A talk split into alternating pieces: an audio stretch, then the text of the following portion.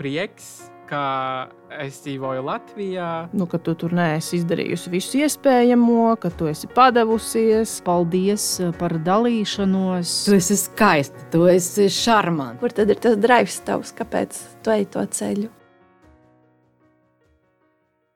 Sveiks, klausītāji! Šī audio stāstu sērija par cilvēku pieredzi, un to klausoties, tu iepazīsies ar piecu LTV ziņu dienesta rubrikas dzīvē nav melnraksta dalībnieku pieredžu stāstiem par saskarsmi ar auditorijas attieksmi pēc dalības. Piektā stāsta varone ir Annija, Latvijas Nacionālās operas un balta vadošā soliste. Rubrikā dzīvē nav melnraksta viņa dalījās ar stāstu par savu dzīves ceļu un kļūšanu par balta mākslinieci, kā arī atklāja šīs profesijas ēnas puses, jeb to, par ko neviens publiski nestāsta. Mani uzaicināja raidījuma vadītājs. Un, uh, Jāsaka, tā ļoti ātri, jo man šī vēstulīte bija iekritusi spamā, un es viņu nebiju pamanījusi. Un, tā kā burtiski izlasīju, un nākamajā dienā skrēju uz Latvijas televīziju, un tad arī mēs veicām šo ierakstu. Es pat nezināju, kāds būs tas gala rezultāts. Un, uh, Un vienmēr ir interesanti tas tāds tā kā punkts no dzīves, kurā, mm, kad ir kāda intervija, kad tu atskaties uz savu padarīto un vari tā vairāk arī koncentrētāk sev nozīmēt, ko tu esi izdarījis un ko tu vēl vēlēsies sasniegt. Jo ikdienā jau mēs tā nepreparējam savu pagātni, savu izdarīto. Un, un it sevišķi manā profesijā ir tāds, ka, ja vakardien vakarā tu biji skatos zvaigzni, tad nākamajā rītā tu jau vairs neesi nekas tev ir jāsāk sava diena atkal no nulles, un, un tu nevari gulēt uz vieniem lauriem. Tas, kas bija vakardien, ja tu gribi augt, ja tu vēlies palikt uh, savā pagātnē, tad var, var sapņot, un tā var tikai iedzīvoties kādās problēmās. tā ir vienkārši tā kā mana biogrāfija, un uh, es vienkārši stāstu savu ceļu, un kam esmu gājis cauri. Un, un tā ir mm, patiesība, lai kas tiek stāstīta, lai netik, neliktos citiem, ka nu, tā dzīve ir rožaina un viegla. Jo patiesībā nu, kā, internetā telpā es publicēju tikai ļoti minimāli savu dzīvi, un tur izskatās viss ļoti rožaini un, un tikai ļoti abstrakti. Kad neviens nemaz nezina, kā man iet patiesībā, ka tas tiek tā noklusēts. Bet ir cilvēki, kas, kas dalās ar pilnīgi visu. un tad atklājoties, tā pilnībā, tad arī kāds paliek šokēts. Es parasti cenšos daudz neapdomāt un, un nedomāt tekstu, jo ir jāstāsta no sevis. Jebkurai intervijai ir jānāk brīvi. Tā kā tu sarunātos ar draugu, tu pirms satiecies ar draugiem, nekad nedomā pusstundu, ko tu viņiem stāstīsi vai savu dzīves stāstu. Jo tad, ja tu pieturies pie kaut kāda viena scenārija, tad tu paliksi saka, uz pauzes un, un nevarēsi īsti pateikt savu sakāmo un, un nevarēs izteikt savas domas. Tāpēc vajag vienkārši ļauties un, un sekot teiktajam un jautātajam. Mūsdienu auditoriju Anī raksturo dažādi. Stāstot, ka tie, kas pazīst Anī personīgi, bijuši priecīgi par stāstu, ar ko dalījusies rubrikā Dzīvēnā Melnraksta. Savukārt tie, kas nezina balta profesijas aizkulises, reaģējuši ar izbrīnu.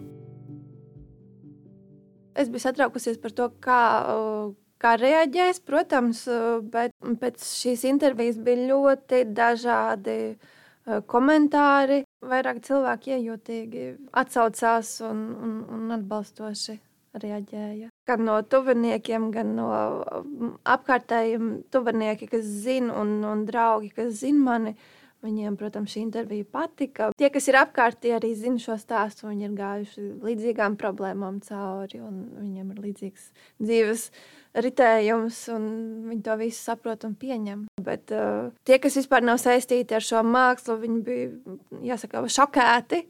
Un, un pārsteigti par, par to ikdienu, un, un bija tādi apmulsuma komentāri, tā, ka cilvēki nesaprot, kāpēc tu to vispār dari kur tad ir tas drives tavs, kāpēc tu ej to ceļu. Vairāk cilvēku pateiks par to, ka paldies, ka tu atklāji šīs kārtas un, un, un stāsti, ka ne viss ir tik rožaini.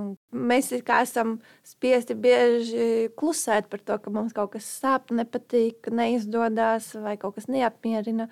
Tāpēc citreiz tas ir ļoti drosmīgi, bet tas jādara ar prātu, jo tu jau nevēlies nevienu aizskart ar saviem vārdiem. Anija cenšas komentārus neņemt vērā. Tie viņai ir kā pīlai ūdens. Anija ir iemācījusies tos laist sev garām. Arī tā ir daļa no mūsu profesijas. Vienam patīk māte, vienam meita, trešajam kleita. Un, uh, tu nekad visiem neizdabāsi, un, un nekad tu visiem nebūsi gana labs. Tāpat ir arī ar tiem komentāriem. Ir tie dīvaini tautas eksperti, kuriem iespējams iekšā kaut kas grauž, kāpēc viņi ļauni komentē, kad ir kaut kāds uh, nepiepildīts sapnis vai vienmēr dzīvē neiet tik labi, tāpēc viņi vēl, it kā zina, bet paši nespēja, un tad viņi tā arī terapeitiski izreaģē, kā cilvēki, kas ir kaut ko darījuši un stāstījuši, tāpat viņi ar to komentāru dod uh, atpakaļ uh, savu, un uzrakstot kaut ko negatīvu, viņi ir savu žulti uh, izlikuši uz, uz šī ekrāna, uz taustiņiem un, un publicējuši to, un tad viņi jūtās varbūt gandarītāki. Bet nu, tas ir pilnīgi savādāk. Tas ir negatīvā, jo nu, tā ir tā slikto komentāru tāds mans skatījums. Bet labie komentāri tad jau cilvēks vienkārši padalās ar to, ko viņš tajā mirklī domā. Vai nu kādu uzslavu, vai, vai uzmundrinošu vārdu. Un, ja ir šie uzmundrinošie vārdi, tie, protams, palīdz turpināt un, un iet uz priekšu. Arī milzīgām zvaigznēm ir uh, soļi un ir, uh, ir fani. Un tas viss piederās pie lietas. Mums ir katram jāiet savs ceļš un, un jādara tas, kas mūs iepriecina, lai vai kā. Ja tā ir mūsu dzīve. Viennozīmīgi tā jau ir uh, uzdrīkstēšanās no intervējamā puses, atklāties. Un tad uh, varbūt tā ir arī tāda iedvesma un palīdzība citiem cilvēkiem, kas to klausās, kad nu, varbūt viņu dzīvē neiet tik grūti, kā viņam liekas, vai arī uh, viņš ir dzirdējis šo interviju, viņš domā, nu, es neesmu viens savā problēmās, kad ir arī kāds cits, kuram ir arī tikpat grūti vai ir līdzīga situācija. Tad drīzāk šāda dalīšanās palīdz. Un, Un tad cilvēki, pat ja neko nedod nekādu atgriezenisko saiti, viņi tomēr jūtās varbūt saprastāki. Man ir prieks, ka kādu tas ir uzrunājis un iedvesmojis, un, un varbūt uh, licis pasapņot vairāk, vai arī tieši tā ir kā iedvesma un motivācija citiem strādāt, censties un, un pilnveidoties. neuzņemt nevienu cilvēku caur vienu prizmu.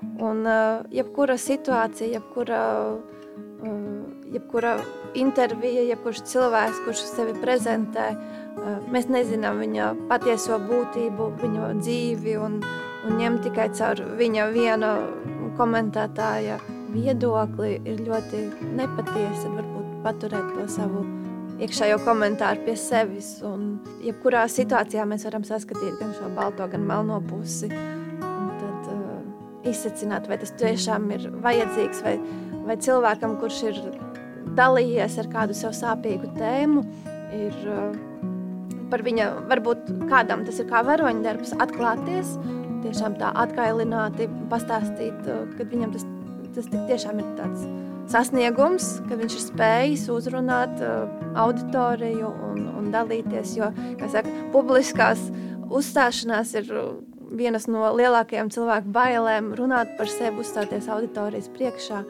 Tāpēc klausītājiem ieteiktu nesodīt tā uzreiz, bet uh, ņemt, ņemt vērā apkārtējos apstākļus no katra cilvēka situācijas.